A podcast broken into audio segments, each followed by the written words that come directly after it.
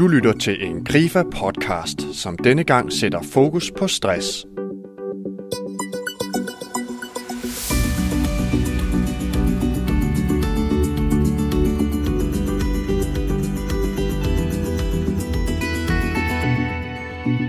Denne episode er den anden i en række, som stiller skarp på stress. Vi vil prøve at undersøge stress fra flere vinkler og svare på nogle af de spørgsmål, du måske har tænkt. Spørgsmålene kan være mange. Hvad er stress? Hvordan rammer stress? Og hvad sker der inde i mig, når stressen rammer? Det kan også være spørgsmål som, findes der en vej ud af stress? Hvordan holder jeg stressen på afstand? Og hvordan holder jeg mig langtidsfrisk og fleksibel i en ofte stressende hverdag? I denne podcast-episode vil du høre om en banebrydende forskning, der beskriver vores samvittighed og skamfølelse som en afgørende faktor i modtageligheden over for stress.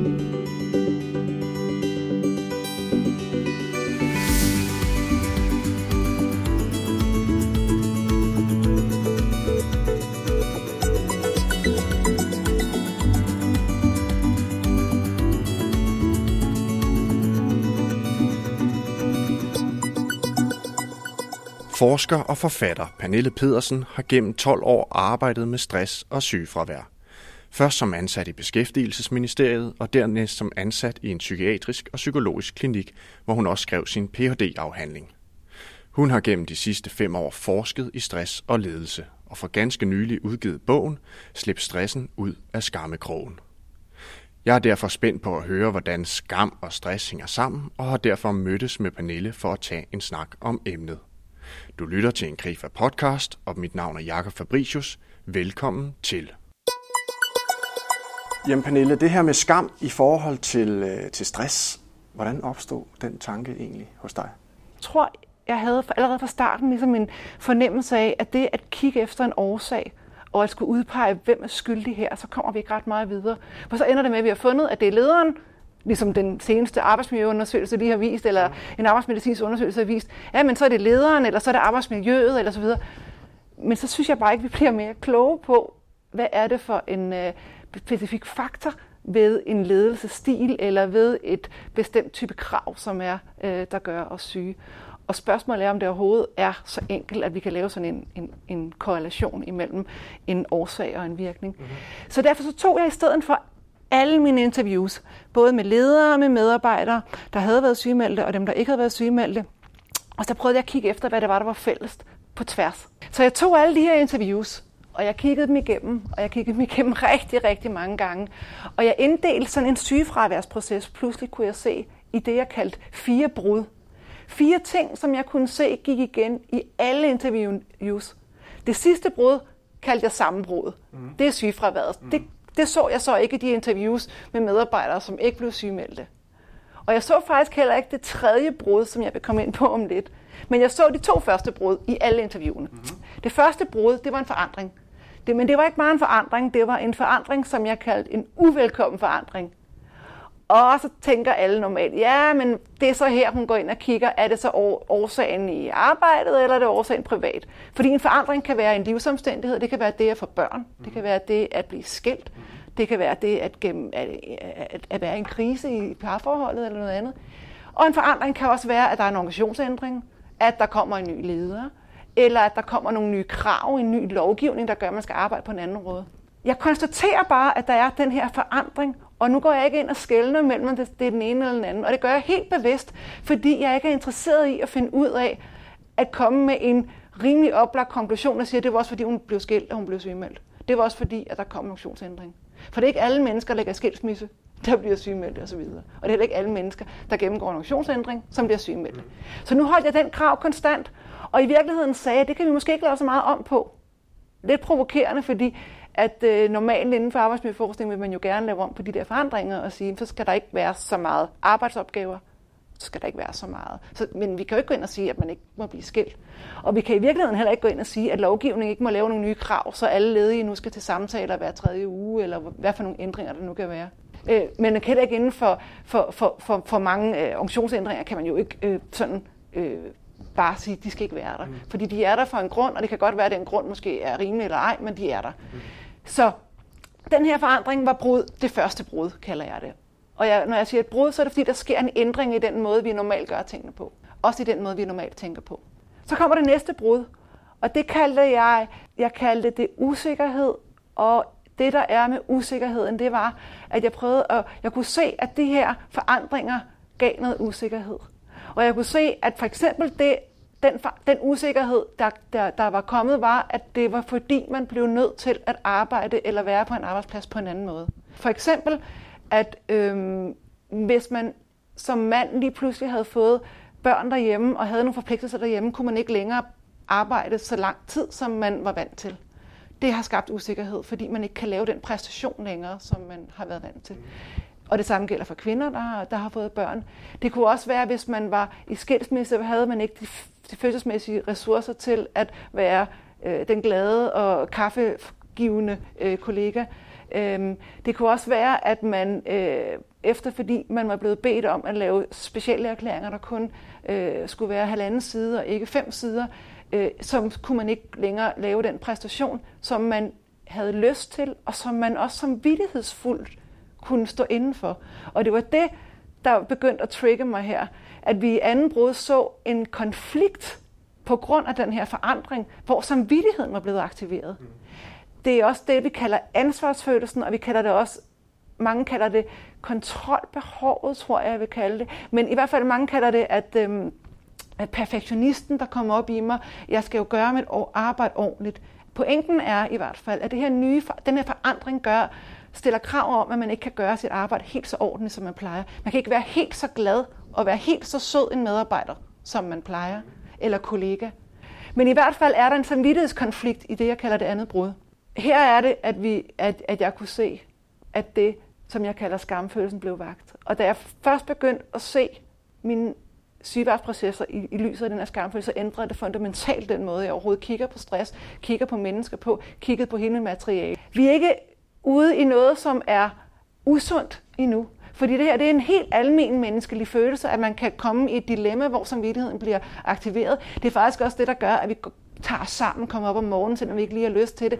At vi alligevel adlyder ordre, at vi gør tingene, fordi at øh, nu er vi ansat på så, en Så vi er ikke ude i noget skadelig stress? Vi er ikke ude i noget skadelig stress nu, ja. men vi er ude i øh, noget, der begynder at blive interessant i forhold til, hvordan vi kan undgå, at det bliver skadeligt.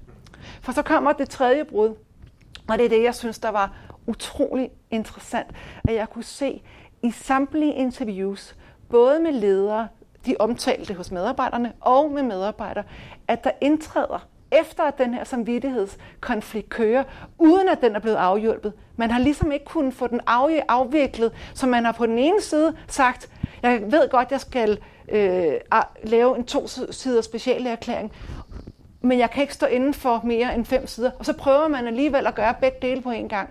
Og derfor så er man i en konstant ambivalent situation. Så sker der det i det tredje brud, at man laver en fejl. Og vi laver alle sammen fejl. Men den her fejl får nogle fatale konsekvenser i forhold til, at vores samvittighed lige pludselig bliver vendt imod os. Og det synes jeg var utrolig interessant at se, hvordan man kan give sig selv skyld for noget, man ikke selv er skyld i. Hvordan at medarbejdere inden for finanssektoren, der har fået at vide, at nu kan de ikke lave risikovurderinger på, på samme niveau, som de plejer. Det er jobcentermedarbejdere, sagsbehandlere øh, har fået at vide, at nu skal de ikke lave mere end 10 minutter samtaler med de ledige. Pludselig kan tage ansvar for den beslutning og de konsekvenser, det har i forhold til, hvad de så kan præstere og performe. Hvordan kan det lade sig gøre, selvom en leder, og det her det er det helt nye, selvom en leder siger, det er ikke din skyld, så føler de alligevel, det var deres skyld. Det var, det var det, synes jeg var utrolig, jeg synes, det var helt utroligt, hvordan man som menneske kan høre, at en leder siger, at det er ikke din skyld, og alligevel føle, det er min skyld. Sådan lidt populært. Ja, for hvad, hvad er skam egentlig præcis i din, din optik? skam, og det er jo så det, jeg prøvede at finde ud af da jeg så fandt det ud af, at jeg havde lavet de her øh, fire brud, og fundet ud af, hvordan samvittigheden kan ændre sig fra at være det, der får os til at stå op om morgenen og sige, åh, oh, det går nok, du skal alligevel gøre det, til du har fejlet, du er ikke noget værd. Du kan alligevel aldrig nogensinde blive en dygtig sagsbehandler. Du har alligevel bare været heldig. Alle de her ting. Ja, nogen, nogen kalder det stemme i hovedet, andre kalder det øh, øh, noget, der dikterer en udefra. En følelse af at være overvåget osv. Hvordan kan den ske? Og, hvordan, og der har vi skamfølelsen. Og skamfølelsen er, hvis du kigger på det i, i litteraturen, så handler skam jo om at tilhylde sig eller at tildække sig. Adam og Eva følte jo skam i, øh, over deres nøgenhed i, øh, i øh, paradiset. Og skam handler om, at er jo forbundet med det, der hedder tabu. Man har gjort noget, man ikke må, og derfor skal man skjule sig. Øh, det skam betyder også skændsel. Og det, der er interessant, hvor, hvorfor jeg siger med skam, det er jo, at mange af de her medarbejdere har en oplevelse af, at de har gjort noget, der er forbudt. Men har, har, de, har de taget det med ind på arbejdspladsen, eller er det noget, der sådan ligesom er skabt på arbejdspladsen? Kan man sige noget om det? Ja, det kan du sagtens sige noget om, fordi det er ikke noget, vi tager med ind. Som jeg siger, det er derfor, jeg laver de her fire brud. For det sker jo ikke med forandringen. Det sker jo med den håndtering af forandringen, hvor det er, at samvittigheden kommer ind og kan ikke give slip på de gamle måder at arbejde på. Og derfor stadigvæk måler sig op mod, hvordan det var før. Mm før man fik børn og kunne præstere øh, 10 timer hver dag. Og så lige pludselig kommer der nogle dårligere performance, øh, enten skabt af livsomstændighederne, eller skabt af, hvad hedder det nu, øh, de organisationsændringer, der har været. Mm. Og lederen anerkender ud fra de nye betingelser, og man tager selv imod anerkendelser, som om det skulle være ligesom det gamle. Og så kan du godt se, så kan du ikke længere tage imod. Hvordan det så er skabt på arbejdspladser? Ja, nej. Der vil jeg jo sige, at skam handler grundlæggende set om at være elsket. Mm. At være en del af flokken. Jeg tror meget på at vi, den evolutionsteoretiske idé om, at vi er en flok. Mm. Og det værste, der kan ske, det er at blive udstødt af en flok. Skam er jo en, en angst for at blive udstødt af flokken. Og man har jo det her ideen om, at der er sådan en brændemærke på, at man ligesom dem, der skulle udstødes, så skammede man dem ud. Og skam er jo noget, der... Øh, man bliver udstødt, hvis man har gjort noget, man ikke må. Hvis man har overtrådt, overtrådt reglerne, hvis man har gjort noget, der er forbudt. Og det er det, jeg synes, der, jeg kan se i forhold til den måde, vi arbejder på i dag. Og nu kommer det, er det interessant, at noget, vi tager med ind på arbejdspladserne. Jeg tror, at der er sket en ændring i måden, vi arbejder på. Jeg forholder mig ikke til nu, om det er godt eller dårligt. Jeg siger, at det har nogle konsekvenser. Jeg kalder det lidt populært sagt, at arbejde er blevet seksualiseret. Og det er lidt hårdt, men det jeg faktisk mener med det, og det er, at vi tager vores følelser med på arbejde. Og det skal vi ikke lade være med, for det kan vi ikke lade være med. Fordi vi kan ikke bare sige, nu vil jeg lægge følelserne derhjemme. Det er der nogen, der tror. Det kan vi altså ikke. Jeg konstaterer blot, at arbejdet skal tilfredsstille noget, som det ikke nødvendigvis skulle tidligere. Mm. Et dybere liggende behov på en eller anden måde. Et behov ja. for kærlighed. Mm. Så det er et af de mest grundlæggende behov, som arbejdet skal tilfredsstille. Arbejdet tidligere skulle tilfredsstille, at vi kunne overleve økonomisk. Jeg tror, at arbejdet i dag skal tilfredsstille et følelse af, at vi er noget værd som mennesker. Og det er der ikke noget galt i, men det har nogle konsekvenser for den måde, vi skal omgå, hvordan vi skal tænke stress på en arbejdsplads. Så siger du dermed, at, at skammen har, hvad kan man sige, gunstige vilkår, altså ud fra den her seksualisering af arbejdet, som du taler om, eller det, at vi, at, det er, at vi higer efter føler os elsket ja, gennem arbejdet også? Ja, igennem arbejdet, og ikke igennem, kun igennem familien eller igennem andre ting. Jeg vil ikke sige, at den er gunstige vilkår, den er der nu. Mm. Altså, den er, den er blevet vagt til live. Mm-hmm. Jeg tror, den, den er der jo grundlæggende, og den kan vi jo have i alle mulige situationer øh, sådan en skamfølelse, fordi det handler om det at være menneske. Det er vel også det, som der ligger i, at, at skammen bliver, bliver, bliver introduceret, mm. også i Bibelen osv. Men øh, øh, øh, der, hvor, hvor vi skal passe på, det er, at vi skal ikke ignorere den på en arbejdsplads. Vi skal ikke være med til at fremme den. Vi skal ikke være med til at fremelske den ved at anerkende fuldstændig som om, at det er gratis. Fordi det, der er problemet, det er jo, at anerkendelser bliver jo først dyrebare, når det bliver taget fra os. Og det, der sker i øjeblikket, det er, at vi fratager anerkendelser i hovedbetal fra medarbejdere, mens vi på den anden hånd giver dem det. Så vi, vi, vi laver månedens medarbejdere, vi gør, gør ved, øh, og så lige pludselig, så, så laver vi nogle betingelser, hvor, hvor, vi ikke, hvor, de, hvor de anerkendelser, vi gør folk afhængige af, ikke længere er der. Så, og det får store konsekvenser for de anbefalinger, jeg vil komme med i forhold til, hvordan vi skal håndtere stress. Mm. Hvis vi ser stress i lyset af en skamproblematik, mm. i stedet for at se stress som et spørgsmål om overbelastning. Mm. Fordi hvis stress er overbelastning, så er løsningen jo at sætte belastningen ned. Altså at sige, så skal du ikke lave så mange arbejdsopgaver, så skal du ikke have så mange klienter, du skal ikke have så mange kunder. Og hvor jeg siger, det bidrager bare til, at skamfølelsen vokser. Fordi det, der er, er usikkerheden, det er jo, at når jeg ikke kan give en ordentlig service til borgerne, så er jeg ikke værd at elske.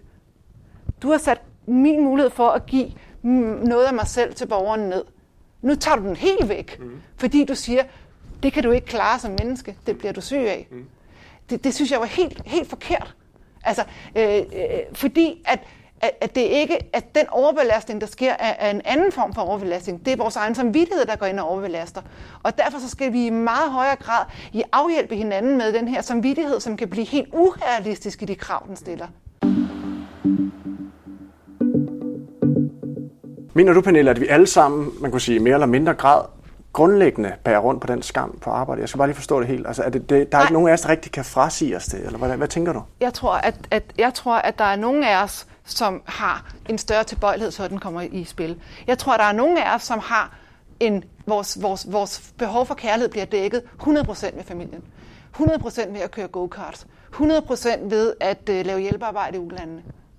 Jeg tror, at det er helt klart, der er variationer, og der er nogen af os, og du kan godt kalde det særligt sensitiv eller noget andet, så er det måske skamfølsom, jeg i virkeligheden taler om her. Jeg tror på, at, øh, at nogen har, det er mere skamfølsom end andre. Men jeg tror, vi alle sammen grundlæggende set har den. Og hvis vi bliver presset nok, for eksempel i privatlivet, så er det jo klart, at det, så der, der, hvor vi tidligere kunne få vores skam, øh, eller, eller vores øh, seksuelle tilfredsstillelse, følelsesmæssige tilfredsstillelse dækket, den, hvis den ikke længere er der, så kan den jo blive flyttet sig til, til, til en arbejdsplads. Så lige pludselig er det der, vi skal have det dækket. Og så kommer den jo ind. Hvad, hvad er den hurtige diagnose for at finde ud af, om jeg i virkeligheden bærer rundt på sådan en, en skam på arbejdet? Jeg synes ikke, at det handler om, at jeg skal finde ud af, om du bærer rundt på en skam af arbejde. Det, jeg skal finde ud af som kollega til dig, eller selv, eller som leder til dig, det er at finde ud af, om din samvittighed er ved at gøre det øh, øh, umenneskeligt hårdt for dig, så du bliver syg af det.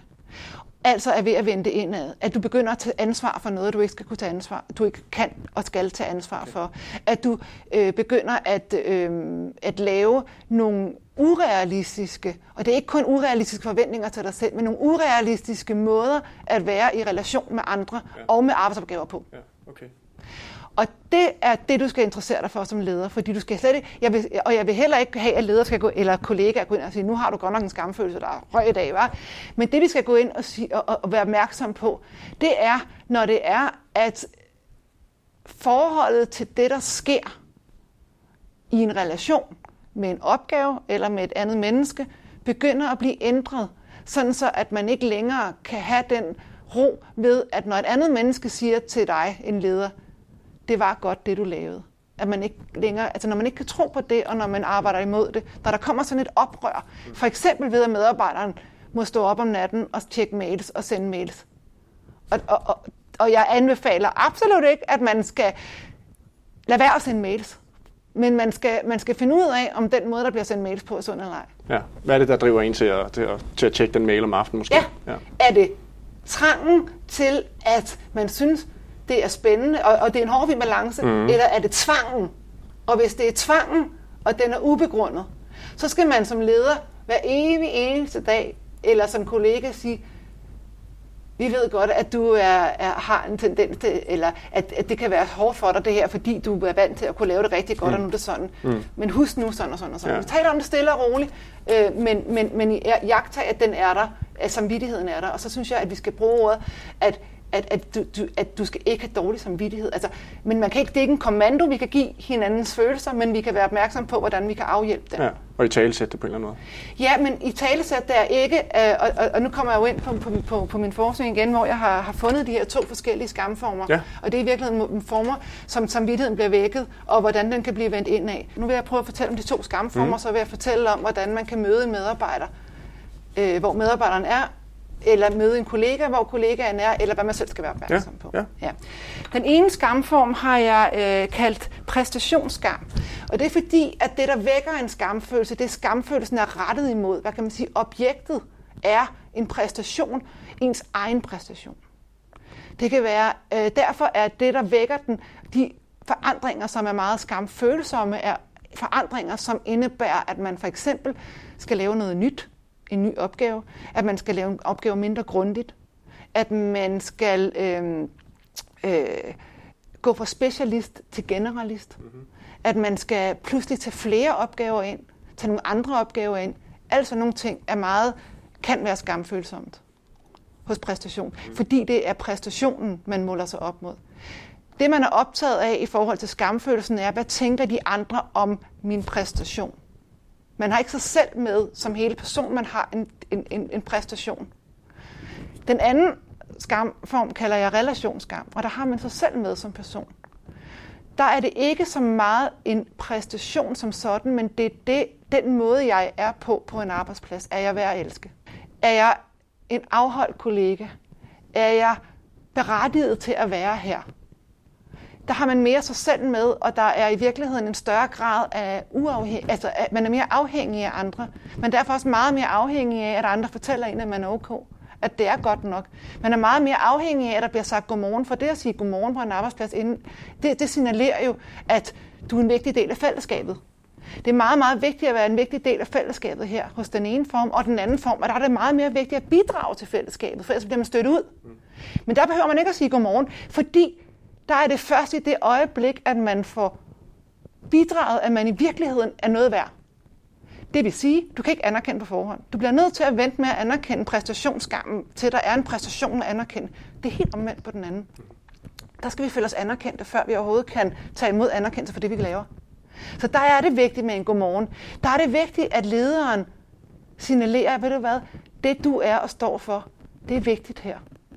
Du behøver ikke at komme ind specifikt på det, det man laver, tværtimod. Men det er helt afgørende i den anden, for der er det lir, der er det blader at sige, hvor er det vigtigt, og nu skal vi også, og så videre. Så, så det er to helt grundlæggende set forskellige måder, vores følsomhed fungerer på. Og man besidder typisk den ene eller den Nej, anden? Nej, man har begge dele lige så, vil jeg tro. Altså, mm. Det, jeg kan sige, bare kan se, det er, at, at det under det, vi kalder stress, der, der dominerer den ene. Mm. Og man kan altså ikke slutte sig fra, at det der, der, når det hele fungerer godt, nu kan jeg bare tage mig selv som eksempel. Mm. Jeg er stiller 100% perfektionistiske krav til mig selv. Jeg sætter mål, og jeg er meget disciplineret, og jeg går meget op i de præstationer, jeg laver. Og jeg tænkte også, jeg er helt klart præstationsskam, men det er bare ikke det, der gør mig bange. Når jeg bliver presset, så er det altså, hvad tænker de andre om mig som person? Synes de nu også, at det er okay, at jeg sidder her og laver de her ting? Det, det, det, det var virkelig en øjenåbner for mig, da det var, at jeg også fandt ud af, at vi kan altså ikke slutte fra det, der, når, hvordan det vi har det, når vi fungerer godt, til hvordan vi har det, når vi fungerer skidt. Jeg, jeg, jeg sidder med den her afhandling, og jeg har to helt fantastiske direktører, der har, har, har støttet mig og hjulpet mig, og jeg kan, jeg kan huske, at jeg kom og sagde, puha, der er godt nok meget, og jeg når aldrig den her afhandling, og ej. Og den ene direktør, som selvfølgelig troede, at hun havde øh, præstation og så videre, så sagde så må vi tage et møde, og så må vi gøre det, og så må vi gøre det. Og den anden direktør sagde, puha, jeg kan også godt huske, da jeg skrev afhandling, der var der godt nok også meget. Og jeg kan, huske, jeg kan simpelthen huske skældsættende det øjeblik, hvordan det bare ligesom, ja, det var helt i orden, jeg havde det sådan. Og jeg blev så meget mere rolig, fordi den anden, det pressede mig måske i virkeligheden mere, fordi så blev der stillet øh, krav om, at det var det, der var problemet, når problemet i virkeligheden bare var, at jeg var bange for, om de nu synes, det var okay, jeg havde det sådan. Og ved at han siger, sådan har jeg også haft det, og puha, så blev jeg ligesom rolig og tryg, og jeg kunne komme ind igen og være inde i min præstationsmode igen. Jeg ved, at havde det været min mand, så havde det været fuldstændig anderledes. Det ville han slet ikke kunne bruge til noget. Der kunne han bruge en handlingsplan. Han kunne bruge en strategi for, hvordan får vi løst det her problem. For der var problemet jo ikke usikkerheden i forhold til, synes de nu, at jeg er værd at, betale løn for at lave det her stykke arbejde. Der vil det være, er arbejdet godt nok? Er de tilfredse med arbejdet? Og det er noget lidt andet. Så øh, det, det, der er med den skamfølelse, er, at den udfordrer jo de eksisterende test, personlighedstest, fordi det er ikke en personlighed, vi snakker om. Og derfor så, jeg, i de test, man kan tage, Belbins test og enagram og så videre, men der vil jeg jo score højt på alle de der ting, som handler om præstationer, handler. Og så vil man jo tro, at hvis man så skal afhjælpe min stress, så skal jeg jo bare gøre mere af det, så skal man anerkende min præstation og så videre, men sådan fungerer det jo ikke. For det var jo ikke det, der gjorde mig bange, det var jo ikke det, der fik mig til at flygte og løbe væk. Og det sjove er jo, eller ikke det sjove er jo, men det interessante er jo med de to skamformer, kan man jo så se, hvordan undgåelsesadfærden, som er et velbeskrevet symptom med en stress. Hvorfor, hvordan kan det være, den er, den er jo relateret til forskellige ting. Når jeg bliver stresset, så undgår jeg dem, jeg er bange for. Mm. Lederen, kollegaerne, hvis man har relationsskam. I præstationsskam, der er det ens egne opgaver. Der er det, kan du bruge hver timer om at komme i gang med en opgave. Der er det simpelthen præstationen, man flygter fra. Og nu kommer noget, der faktisk synes jeg er meget interessant, og jeg, altså, som jeg først lige er kommet altså, ved at få ordentligt styr på. Men i virkeligheden ved præstationsskam, der flygter man faktisk fra sig selv. Man er faktisk bange for sig selv. Og man prøver meget, meget længe at opretholde den her, øh, hvad skal man kalde det, facade ved, at det skal nok gå. Og derfor, at dem, der lider præstationsskam, når de så bliver syge, så sker det med et brag. Hvorimod i relationsskam, der har man godt vidst det ret lang tid, fordi man er i virkeligheden lidt mere udadvendt på den, og flugtadfærden er ikke for meget fra en selv, men det er fra lederen eller kollegaerne. Og så alligevel, så starter det altid med, at man, man brokker sig. Man, man prøver at komme ud af med det, fordi man søger den der relation, fordi man søger altid det, der prøver at kan hjælpe en. Mm.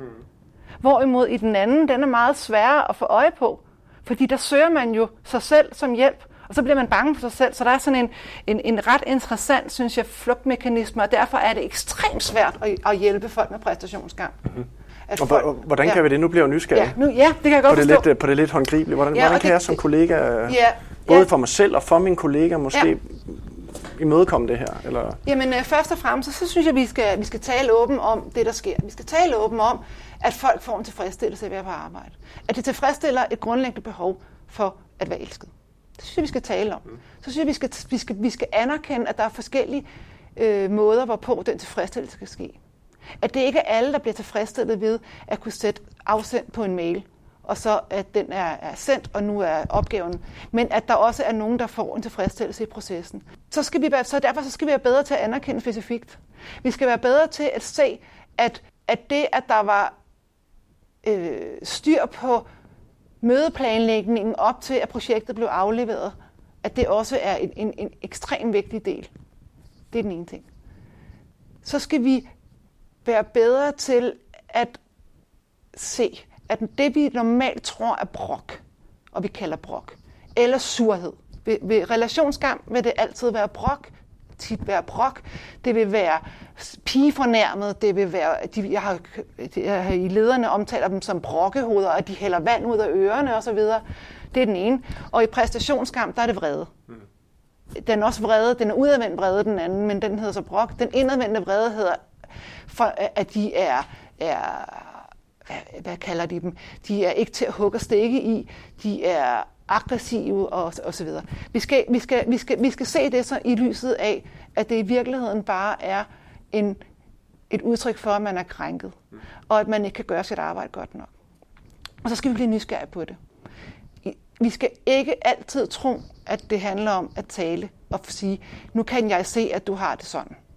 Nej, det vi skal gøre, det er, at i relationsskam, der skal vi vide, at det, det i virkeligheden i bund og grund handler om, det er at føle sig tryg og føle sig elsket og føle sig at være en del af arbejdspladsen. Accepteret med de, den måde, man nu end er på.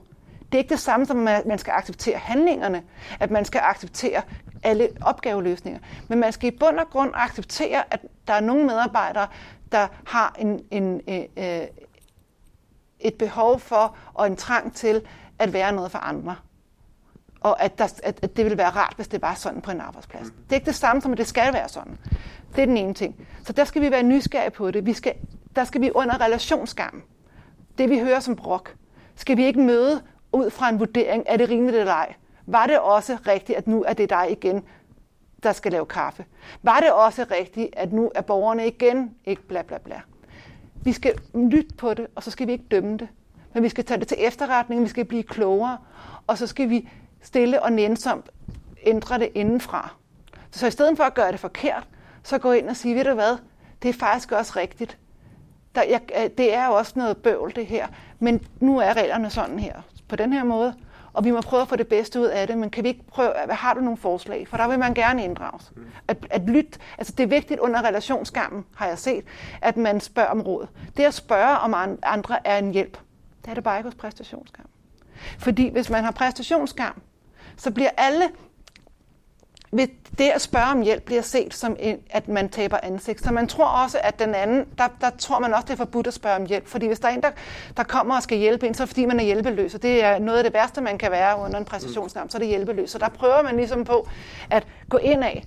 Så derfor så har man også svært ved at forstå, at en medarbejder, der måske har relationsskam, i virkeligheden har brug for at blive hjulpet og at det, kan, at, det, at, en, en, at, at en medarbejder, en kollega, en leder siger, ved du hvad, skal jeg ikke hjælpe mig med det der? Det bliver faktisk set som, han ser mig, han anerkender mig. Fordi under præstationskamp, der er det jo en krænkelse. Mm. Tror du ikke, jeg har styr på det? Mm. Og det, øh, det, det er en vigtig del, at man, at, at, at man kan prøve at, at iagtage, og at man i virkeligheden kan prøve at blive nysgerrig på. Og i virkeligheden kan man spørge folk, ved du hvad, er det okay, at øh, jeg har det sådan, når, når det er, jeg selv er stresset, så har jeg det med at hjælpe, men altså nu, nu, hvis man ikke kan lade være. Eller også skal man måske i virkeligheden være bedre til at at, at bede en, en med præstationsskam om en, øh, at tilrettelægge opgaverne, så de kan løses. Vi skal jo ændre på måden, vi laver opgiver opgaver på, måden vi anerkender på, så, det, så, så vi kan hjælpe medarbejderne til at slette de gamle anerkendelsesmuligheder, som der var ved de tidligere, og sige, prøv at høre her, det er for meget det her, det er for, for store krav at stille. Du har nu lyttet til en Grifa podcast med temaet stress. I de følgende episoder kan du høre meget mere om stress. Hvis du er eller føler dig stressramt, så slå et smut ind forbi Grifas hjemmeside og find vores stressfri forløb. Det er små online forløb, som giver dig konkrete værktøjer og gode råd til at håndtere den stressbelastning, du måske oplever. Tak fordi du lyttede med, og på genhør.